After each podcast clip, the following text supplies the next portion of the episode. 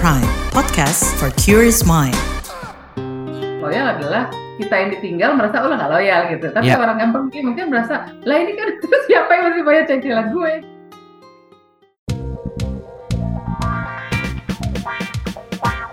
Disko, diskusi psikologi. Halo Warriors, selamat datang kembali di podcast Disco Diskusi Psikologi Persembahan KBR bersama komunitas Into the Light Indonesia.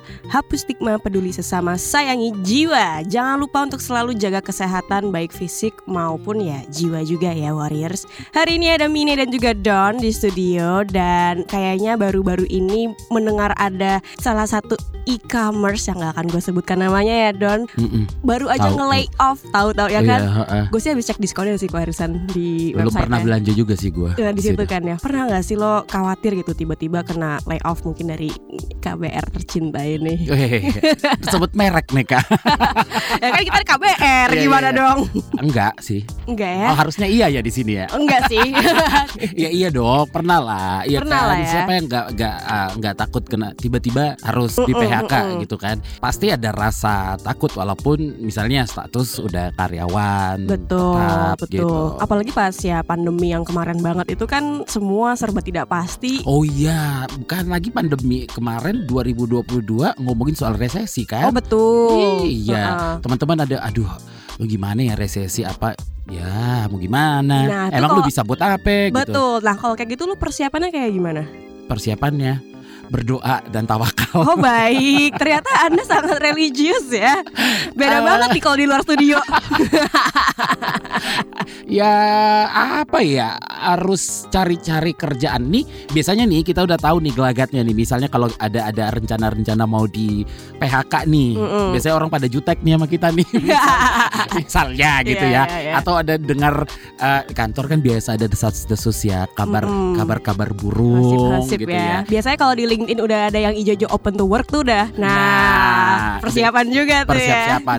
Tapi kayaknya ntar deh ya nunggu THR bisa kali ya gitu. Oh iya, itu persiapan yang paling strategis dan paling klasik enggak. sih. Tapi persiapannya pasti ya harus punya plan B gitu kan, Betul. harus punya backupan yang lain Mm-mm. dan nggak segampang itu cari kerjaan. Oh betul, Bina. betul. Aku pun merasakannya walaupun aku di sini freelance gitu ya. Tapi semua hal itu ya persiapan, plan B, backup itu semua tuh sebenarnya ada istilahnya sih. Hmm, apa tuh? Ini gue semoga bisa sama kayak apa yang dikatakan Mbah Google ya. Iya, iya. Career cushioning. Oh, Keren ya namanya. kirain ada bedak carrier gitu bukan? Enggak dong. Itu bakal meningkatkan probability lo diterima kerja gitu ya kalau pakai bedak itu. Best juga sih Iya endorse ya. kan? Tapi itu emang lagi lagi ngetren si sisi ini nih career cushioning ini nih. Uh, Oke, jadi uh, kita harus punya plan B, plan C gitu. Nah, gue nggak tahu lebih tepatnya detailnya tuh Hmm. apa sih career cushioning. Gue kayak agak bule banget gitu Iya, nyebutnya. iya, Tapi let's just um, kita invite aja Iya, iya. langsung jadi bule. Um, kita langsung invite nih Kak Gita Widya Laksmini Suryat Mojo SPC MA MPC Psikolog selaku dosen tetap di Prodi Psikologi Fakultas Humaniora dan Bisnis dan juga Kepala LPMU Universitas Pembangunan Jaya. Hai Kak Gita, selamat Hai. datang kembali. Hai Kak Hai, Gita. hai, sekarang beneran ya. Hai. Oke Kak, kita tadi udah sempat ngebahas tentang career Ya. cushioning. Mungkin pertanyaannya buat Kak Gita, pernah takut juga nggak sih Kak kena layoff? enggak ya, enggak. Orang deh sebenarnya. Iya, benar-benar. Ini relate ya. relate. Semua semua, tapi sebenarnya Kak, Ya. apa tuh career cushioning itu? Itu kan kar- ka- ka- asal katanya itu cushion itu kan bantalan. Jadi kalau Hmm. kita jatuh, kita pakai bantalan, kita nggak cedera. Nggak kan. sakit Jatuhnya ya sakit Kak. sih. Iya. Sakitnya masih, malunya juga biasanya kan gitu ya. Tapi paling nggak nggak benjut-benjut, nggak nggak baret-baret. Jadi yang dilakukan oleh orang yang melakukan career cushioning itu adalah dia itu mungkin masih tetap kerja di organisasi tempat dia kerja sekarang, tapi di sisi lain dia juga nyari-nyari peluang lain di tempat lain gitu kan. Ya, dengan harapan kalau misalnya nih em, hubungan profesional ini nggak jalan, lalu tiba-tiba ada yang nggak diinginkan, misalnya PHK massal atau resesi tadi kan kita sudah nyebutin ya, Eh, dia itu paling nggak punya pegangan. Jadi Hmm. kalau kita padankan dengan, jadi career positioning itu padanannya datangnya dari dunia ngedate gitu loh. Nah, Hmm. kalau punya kalau punya alternatif kan kayak punya cadangan ya gitu kan. Ya. Jadi kita punya pasangan yang kita sekarang bersetia, tapi kita sambil menjajak kita berpesona ke yang lain-lain. Kira-kira agak mirip seperti itu. Tapi tentu saja hubungan kerja sama hubungan romantis agak beda ya gitu Ah, kan. ah, ah, ah. Intinya adalah pengen tetap punya pilihan di tangan. Jadi kalau ada ya sesuatu yang buruk, dia dia nggak hancur banget, hancur-hancuran. gitu. Dia tetap bisa bertahan. gitu. Hmm. Itu kayaknya alasan kenapa HR tempat gue kerja dulu tuh jutek sama gue karena gue Kenapa? ya selingkuh dari perusahaan dia gitu kan ya nyari kerjaan tempat lain gitu. Ya ya ya. Tapi Tapi sebenarnya dia Aha. memang menarik nih. Ya, konsepnya kan sedikit dipinjam dari dating, tapi apakah dunia organisasi sama dunia romantis sama persis? Pokoknya pasti enggak kan? Kan kalau Enggak kita sih. Ada ada kontrak kerja sama Mm-mm. pacar kita apa ada kontrak pacaran gitu kan kalau KPI tidak terpenuhi apa kemudian kita kan Iya, dikasih iya. penalti kan enggak kan Iya. mestinya kan kayak gitu ya mestinya nggak gitu ya gitu. hmm, Betul betul. menarik kayaknya harus punya Selingkuhan. bukan bukan, bukan dong bukan Apa tuh? dong ini ngomongin kerjaan loh Oke oke. Iya iya iya iya. iya. bener. Tapi Kak Gita, kenapa sih kita harus punya bantalan ya dalam Ya. karir gitu loh? Soalnya kan namanya kerja itu seperti tadi ada ada kondisi eksternal resesi ada tren eh, PHK massal Iya. apalagi kalau kita berada di sektor industri yang mirip dengan eh, yang barusan melakukan PHK massal gitu. Jadi kan kita jadi jadi deg-degan kan, jangan-jangan akan merembet gitu kan namanya apa resesi global, eh, dunia finansial yang kolaps itu merembet soalnya gitu kan. Jadi kita nggak nggak mau kita punya hubungan mesra gitu kan dengan Ya. organisasi, organisasinya yang kolaps. Jadi gimana dong gitu kan? Hmm, Jadi eh, kesetiaan kita atau hubungan kita yang romantis dengan hmm. dengan organisasi ini mungkin juga karena organisasinya juga yang ambruk gitu kan kita juga ngelihat beberapa apa industri finansial juga ketika resesi ya ancur-ancur aja gitu kan jadi memang nggak ada yang stabil kan di dunia ini nah karena dia cemas sebenarnya untuk menghadapi PHK di mana dia tuh nggak PHK kan dipaksa ya involuntary gitu kan Iya. jadi dia mau nggak mau dia harus nerima itu gitu kan makanya dia punya rencana cadangan rencana cadangan itulah sebenarnya yang namanya career cushioning gitu Hmm. Berarti sebenarnya Iya. eh, secara naluriah mungkin atau secara tingkah lakunya dan psikologisnya lah kali ya. Itu Mm. orang bisa melakukan career cushioning tuh karena ada kecemasan itu nih eh, Kak Gita. ya Apakah ada Mm-mm. faktor-faktor lain juga mungkin kayak nggak tahu ya Iya. apa mungkin kayak bosen. Pengen nyari gaji yang lebih tinggi. Heeh. Kalau itu Ya. lebih bukan career cushioning, tapi ya lebih kayak kita mencari peluang lain. Tapi kalau career Ah. cushioning itu memang karena cemas gitu Ya, kan, ya, cemas ya, karena ya, ya. ketidakpastian dan lebih karena pressure, bukan karena dia, istilahnya dia kurang cinta lah gitu ya. Hmm. Tapi karena emang dunianya itu, dunia industrinya itu gonjang ganjing Eh, dan apa? Susah kan memang ini bisa diprediksi. Udah gitu biasanya dunia industri itu HR misalnya orang SDM-nya gitu. Kalau mau ada apa-apa tentang itu kan dia pasti nggak ngomong-ngomong kan, dia pasti mau bisu seribu bahasa kan. Iya, Karena kalau nggak udah pada udah pada lari semua gitu. betul. Nah, jika situasi kayak gini tuh justru meningkatkan kecemasan kan. Jadi terus gue mesti gimana? Ah daripada gue menggantungkan nasib di satu titik yang gue juga susah pe- berpegangnya, maka ya udah kita mulai melirik ke tempat lain. Hmm. Gitu. Ini kayak semacam insting survival manusia Bener. sebenarnya ya Hmm. jadinya di benar, lingkungan benar, kerja. benar. Berbasisnya memang rasa takut. Bukan karena ah gue pengen gue nggak puas kalau nggak puas sebenarnya kita aman tapi kurang ya gitu kan. Hmm. Ya ini basisnya takut gitu. Jangan-jangan, jangan-jangan, jangan-jangan maka dia harus punya pertahanan. Kan tadi eh, kita juga udah sebut eh, sempat di awal, Hmm. Kak Gita juga sudah sempat ngomongin soal eh, isu resesi gitu Mm-mm. kan. Pasti bakal banyak PHK nih. Ini mendorong tren eh, career cushioning ini. Gimana para Mm-mm. pekerja harus menyikapi hal ini Kak Gita? Sebenarnya bisa dilihat tuh sinyal pasar, tren gitu kan. Hmm. Kalau emang tadi kan kan bisa dilihat dari pemberitaan ya gitu Iya. kan. Terus kok kayak kayak gini nih gitu kan. Tapi memang kadang-kadang kita juga kaget ya ketika ada perusahaan yang kita pikir gede gitu terus tiba-tiba melay off cukup banyak kan kita juga terus jadi kehilangan pegangan. Nah Jadi iya. Tidak aman. Perusahaan Wah. gede aja begini apalagi kantor gue misalnya Iya. gitu kan. Benar, benar, benar. Hmm. Jadi nyimak tren sama sinyal pasar tuh benar bisa kita pakai untuk baca situasi. Tapi memang di sisi lain ya kayaknya emang ya nggak banyak informasi yang akan keluar pada saat-saat seperti itu biasanya. gitu. Hmm, harus punya orang dalam Ina ini. Iya. Mungkin cabut duluan. Iya. Bertemanlah dengan para HRD. Iya. HRD juga kadang nggak tahu Bener orang juga dalam sih. yang lebih dalam lagi Nah, nih. bertemanlah dengan Iya, para iya. petinggi-petinggi itu lah ya. Dan akhirnya secara psikologis nih Kak Gita, eh, apa dampak yang mungkin akan timbul nih ketika seseorang melakukan career cushioning ini? Oke, kalau udah tahu nih cemas kan pasti kita berusaha menghilangkan kecemasan kita kan, dan itu meningkatkan hal-hal yang sebenarnya membawa rasa aman. Ya paling biasanya sih adalah, oke eh, lihat nih di pasar ternyata butuh skill apa sih, terus ternyata oh kayaknya gue ada skill gap yang ini nih. Nah skill gap itu buru-buru diisi, training, ngambil sertifikasi gitu kan. Terus kemudian selama di kantor ini achievement apa yang udah kita punya gitu, lalu langsung didata. Semua itu kemudian akhirnya dipakai untuk memutahirkan CV. Jadi udah rajin tuh ngupdate ngupdate di LinkedIn gitu kan terus Mhm. kemudian uh, uh, upskilling lah jadi skill up gitu loh dia men- menaikkan skillnya dia kemudian mempertahankan jejaring jadi jejaring yang dulu teman SMA biasanya nggak pernah muncul reunian terus jadi dateng gitu loh itu untuk Tiba-tiba mempertahankan pinjem duit. network Tiba-tiba pinjem duit. Aduh. Atau Kak Gita mungkin sih mancing udah lama nggak ketemu eh tiba-tiba gitu. duit. Ya ya lanjut Kak Gita.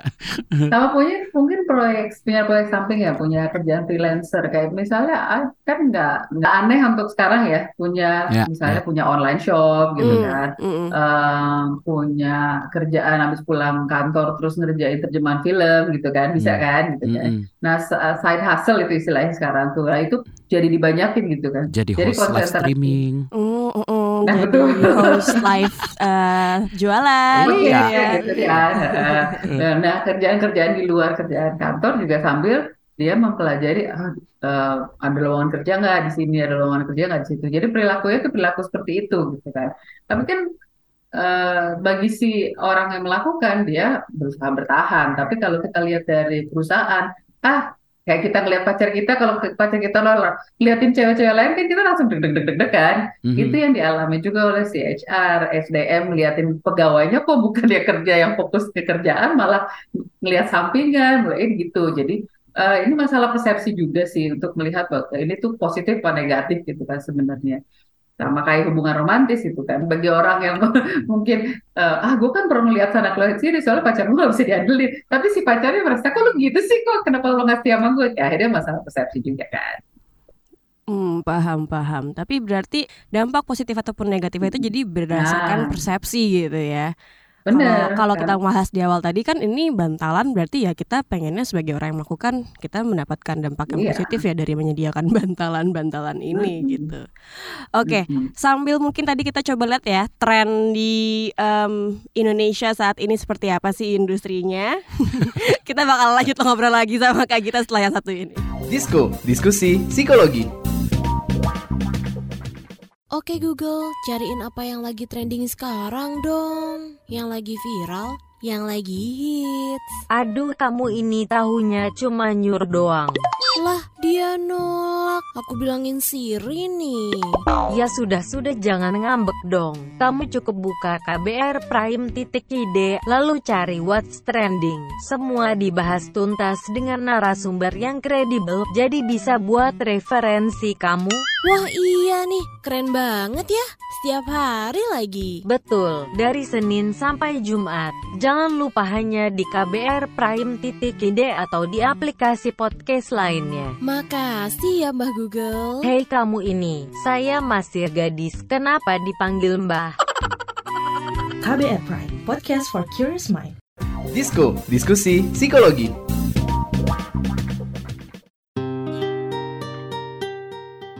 We're back, kita lanjutin lagi nih ngobrolin seputar uh, career cushioning atau bantalan karir ya. Hmm. Kita sepakat ya ngomongin bantalan karir gimana? Iya deh, takutnya Takut salah lidahnya. iya. Tapi kita ada Kak Gita lagi di sini kita lanjutkan ngobrolin soal si bantalan karir. Nah, Hmm. sebenarnya sah nggak sih Kak Gita em, kita ya Hmm. sebagai pekerja ini melakukan bantalan karir sah-sah aja atau ya Hmm. itu tadi balik lagi kok ke soal hubungan antara kita sama company gitu Ah, kan. Nah, berarti lu nggak loyal, nggak setia gitu loh. Mm-mm. Gimana Oh tuh? gini, sah apa enggak itu kan tergantung dari siapa yang lihat ya, itu Iya. pertama. Kedua, eh, kedua, ketika kita ngelihat nih perilaku yang muncul tuh apa sih? Dia mengidentifikasi skill gap, terus ngisi skill gap itu dengan meningkatkan kapasitas. Salah nggak? Ya enggak dong, orang dia capacity building kan. Dia memperkuat networking. Salah nggak? Ya enggak juga, karena Hmm. sebetulnya networking yang kuat daripada pegawai bisa dipakai juga sama organisasi kok, ya kan?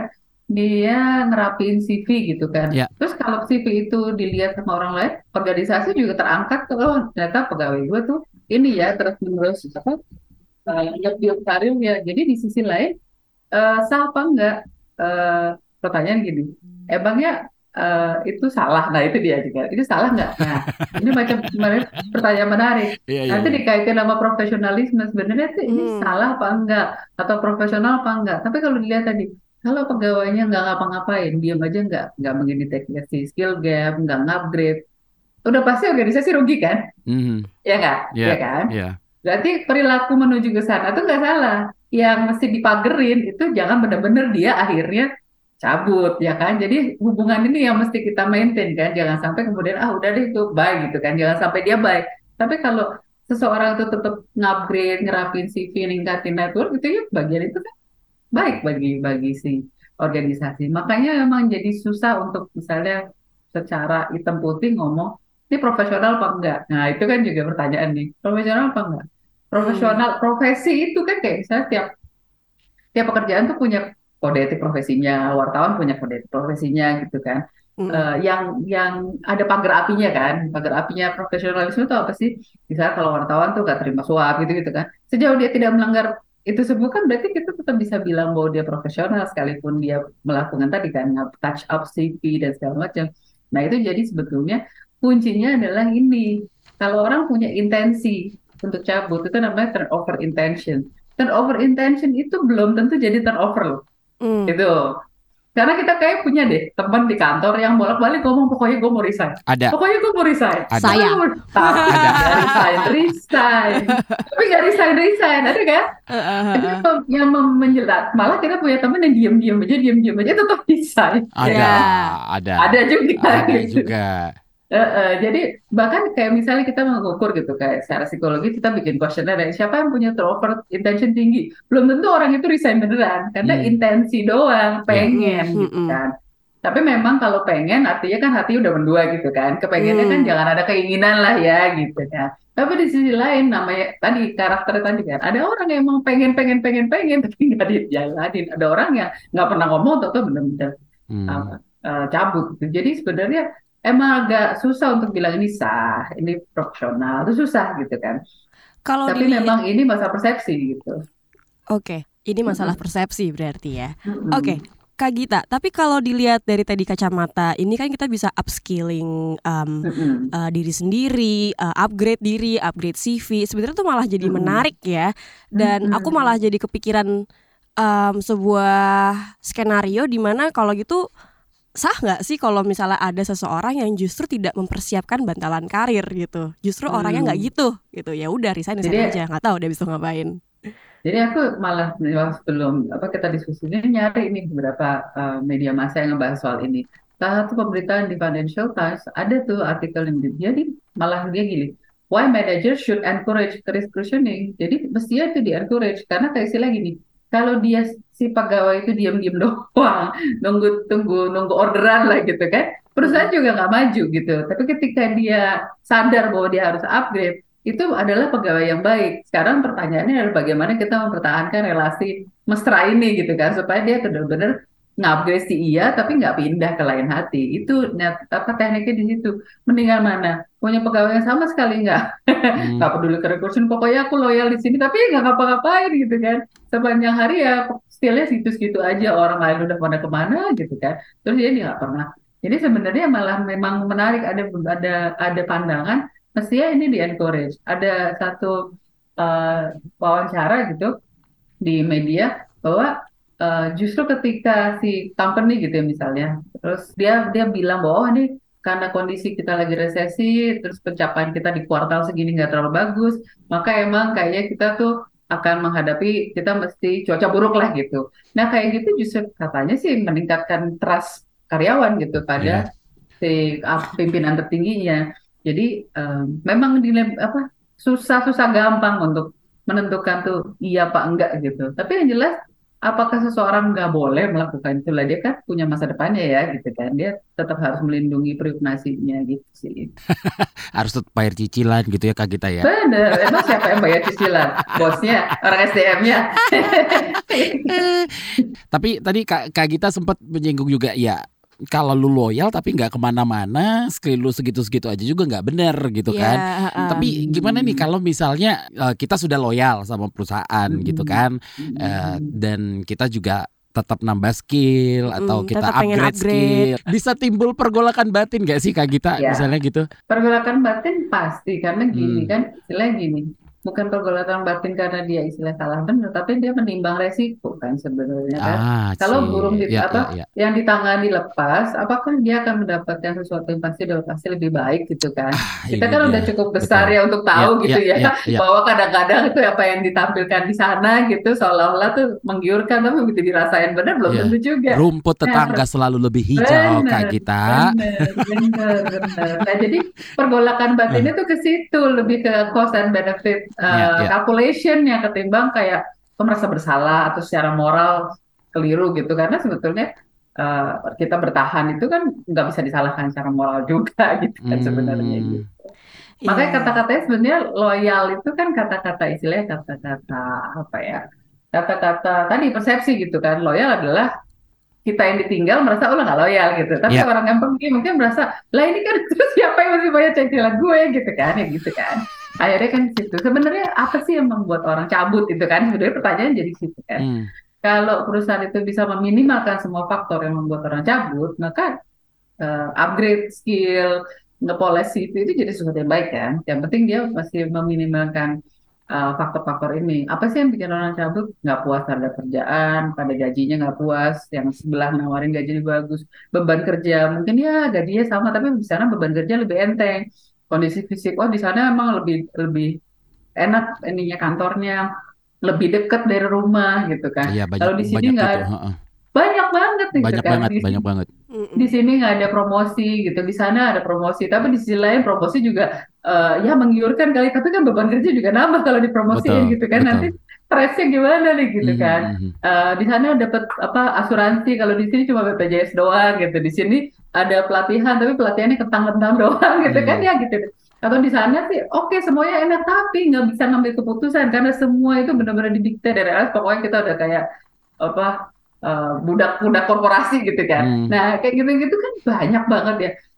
Kompleks banget. Jadi nggak nggak mudah memang eh, untuk menilai istilahnya kenapa seorang cabut apa enggak gitu dari satu organisasi. Dan lagi-lagi terkait dengan itu nggak mudah juga untuk menilai orang tuh melakukan career positioning itu itu salah apa enggak, profesional apa enggak. Ya, Karena itu tadi sangat tergantung dari kacamata orang. Hmm. Tapi perilakunya benerannya apa sih? Perilaku benerannya apa sih? Ngupgrade CV. Salah nggak? Ya nggak salah CV-nya Iya. sendiri gitu kan. Iya betul. LinkedIn ditambah di, di rapi-rapi ini nggak salah orang LinkedIn dia sendiri gitu kan. Mm-mm. Ya, nah dia nambah pelatihan sana sini ya nggak salah, mendingan dia ngupgrade gitu kan. Mm-mm. Tinggal si organisasi dengan si orang ini sa- sa- kayak hubungan romantis sama-sama menemukan kecocokan dan Iya, saling berkomitmen tuh sama-sama bersetia kan, kira-kira kira begitu. Dan gini buka buka LinkedIn di laptop kantor mau ngapain lu buka LinkedIn? Ya, kurang kurang kurang bersih mainnya. Lah, kan gua mau upgrade. Iya, bisa Misalnya bisa. di sebelah gua Heeh. ngapain buka LinkedIn? Mau resign ya? Mau upgrade gitu aja jawabnya. Mm, Benar-benar tuh ada ya, ada Siapa bahan bilang ya. Kak Gita? Kak. Gita. Oke, Kak Gita.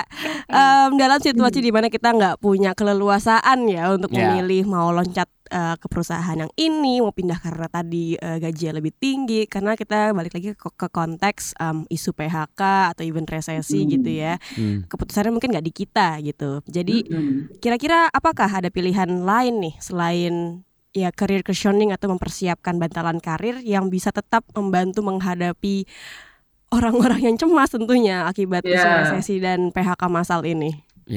memang mau nggak mau kita tetap ngikutin apa ya tetap mengupgrade. Terus kita mesti punya pola pikir bahwa seseorang tuh tetap bertumbuh.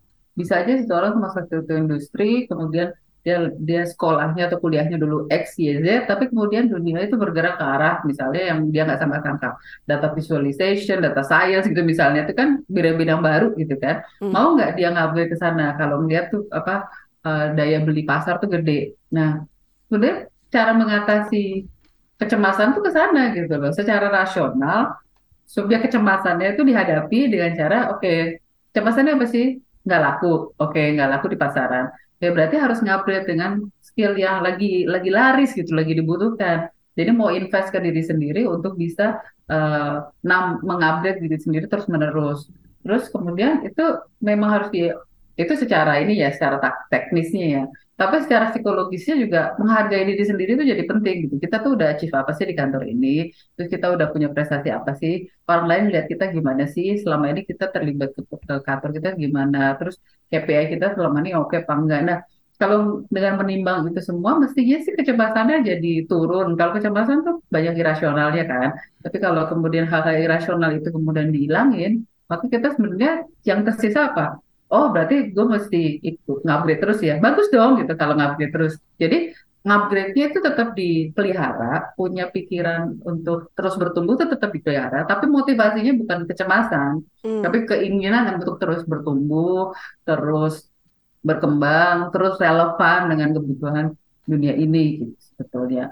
Itu yang yang yang kita bisa lakukan. Dan juga melihat program ya fenomena ganti pekerjaan itu juga dengan lebih mungkin dengan lebih wajar gitu ya. Karena sebenarnya kalau usia 18 sampai 24 di Indonesia itu umumnya pekerja itu ganti pekerjaan lima kalian gitu. Jadi Ya. emang sebenarnya kira-kira di situ gitu kan. Kemudian orang ganti kerja itu pasti ada kaitan sama usia. Semakin kita udah tua, punya anak, pengurus orang tua yang juga udah mulai sakit-sakitan, ya kita kemungkinan apa, berjudi dengan resiko juga semakin kecil gitu kan. Setuju. Kita juga Hmm, ya. Eh, masa kerja kalau kita udah enak di sini gitu terus ngebayangin "Aduh, kalau kita pindah kita jadi kroco lagi dibully lagi atasan ah udah lah, mendingan gue di sini aja deh ah Harus udahlah gitu kan lagi sama karyawan lain. eh, Aduh, gitu kan capek. ah udahlah gitu Harus kan panas-panas lagi tuh sama orang capek ya. Iya, udahlah udah di sini aja jadi apa macam-macam ketika Iya, iya, iya. Hal-hal itu kemudian di- dipelihara oleh perusahaan bahwa di sini tempatnya nyaman loh di sini tuh eh, kita udah saling mengenal gitu-gitu. Itu akan membuat orang bertahan secara statistik tuh kalau dilihat dari statistik global gitu orang bertahan di organisasi ya empat tahunan lima tahunan gitu. Ada sih yang kemudian makin semakin tua usia gitu ya dia akan semakin panjang masa dia bergabung di satu organisasi gitu. Itu naluri ya sih sebenarnya. Aku suka sih em, bahasa investasi diri gitu. Investasi diri ya. Iya. Kalau gue lebih suka beradaptasi sih. Oh itu juga. ya itu juga Adaptasi benar. sama Kak Gita juga bilang ya lu beradaptasi aja apa yang lagi diperlukan sekarang ya lu Mm. beradaptasi ke situ Mm-mm. gitulah. Kita habis ini belajar apa nih Lon? Upgrade LinkedIn. Iya. Iyalah, sekarang kan LinkedIn juga udah banyak tuh yang kayak ambil tes skill ini untuk menunjukkan Ya. kamu bagusnya di Ya. mana gitu ya. Ya. Tapi ya seru banget ya obrolan kita kali ini dan terima kasih buat Kak Gita yang sudah bersedia untuk sharing pengetahuannya tentang career cushioning di episode kali ini. Episode kali ini hasil kerjasama dengan Universitas Pembangunan Jaya. Terima kasih juga buat warriors yang sudah mau mendownload dan mendengarkan podcast ini. Dengan mendengarkan podcast ini, semoga ya kita bisa membantu menghapus stigma di masyarakat, lebih peduli terhadap orang-orang di lingkungan sekitar, dan tentunya jangan lupa untuk menjaga dan menyayangi jiwa sendiri. Sampai ketemu lagi di podcast episode selanjutnya. Dengarkan di kbrprime.id dan di aplikasi mendengarkan podcast lainnya. Gue Don, Gue Mine. pamit undur diri. Bye-bye. Bye. Ah. Disko, diskusi psikologi.